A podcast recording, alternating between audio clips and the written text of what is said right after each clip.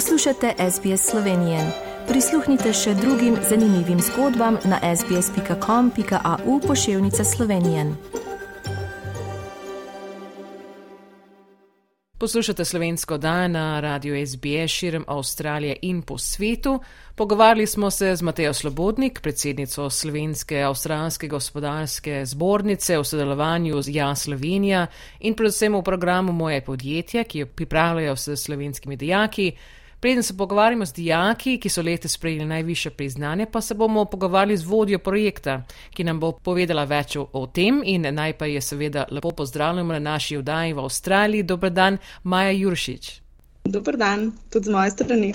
Preden pričnemo o, o projektu samem, povejte nam mogoče malo več o vas in kaj pa je Ja Slovenija.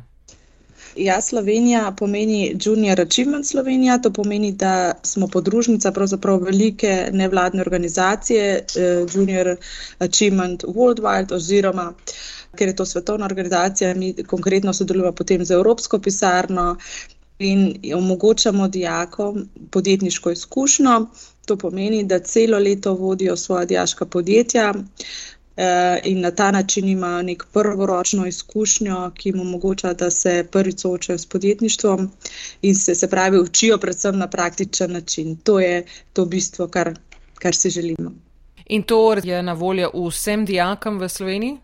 Tako, mi ponujemo ta program vsem srednjim šolam, tako da, da so vsi lahko vključeni, od gimnazij do poklicnih šol. In koliko časa že delate s tem projektom?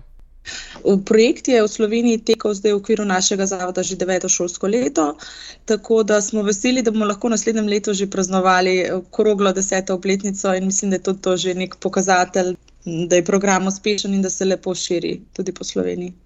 In mogoče nam malo opišite, kako to zgleda. Bomo se, zvere, se, se pogovarjali tudi z dijaki, recimo tisti, ki so se letos odeležili in tudi dobili nekaj priznanja. Kako deluje Mi eh, dejansko se konkretno povežemo s srednjimi šolami, srednješolskimi učitelji. In eh, preko njih uh, se celotna stvar izvaja. To pomeni, da zavod je odgovoren za kontakt z njimi in za organizacijo dogodkov, ki potem dijakom omogoča uspešno vodenje dijaških podjetij. Če sem bolj konkretna, recimo v začetku šolskega leta za dijake organiziramo uvodni dogodek, to pomeni, da jih predstavimo eh, sam projekt eh, dobre prakse, nadaljujemo z gimnacijskim kampom, da jih spodbudimo za pripravljenim izzivom in na ta način jih spodbudimo tudi k lažjemu iskanju idej za njihova dijaška podjetja.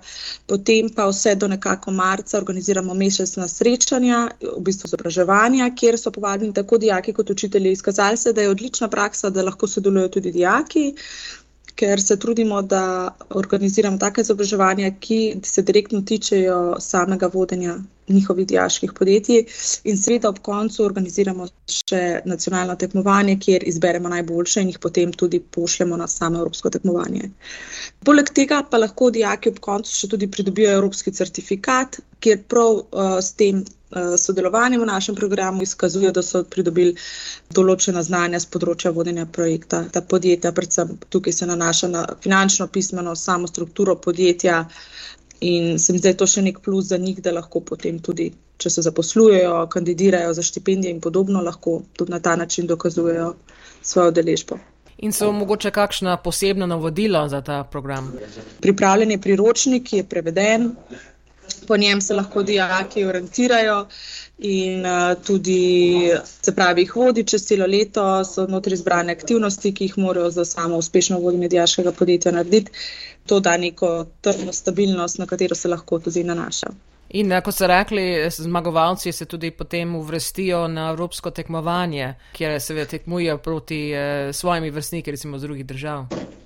Tako, sicer na tekmovanju imamo definiranih več kategorij, se pravi, kar 12 uh, eh, nagrad podelimo, vendar tisto najbolj pomembnejše se imenuje kategorija za podjetje leta. Jaško podjetje, ki tukaj svoji prvo mesto, ga pošljemo na Evropsko tekmovanje. Letos bo to v Estoniji in v Talinu, se bo zbrala 41 držav, ki bo predstavljala svoje jaško podjetje. In je bilo že kakšno leto, da je Slovenija dobila kakšno priznanje na evropskem tekmovanju?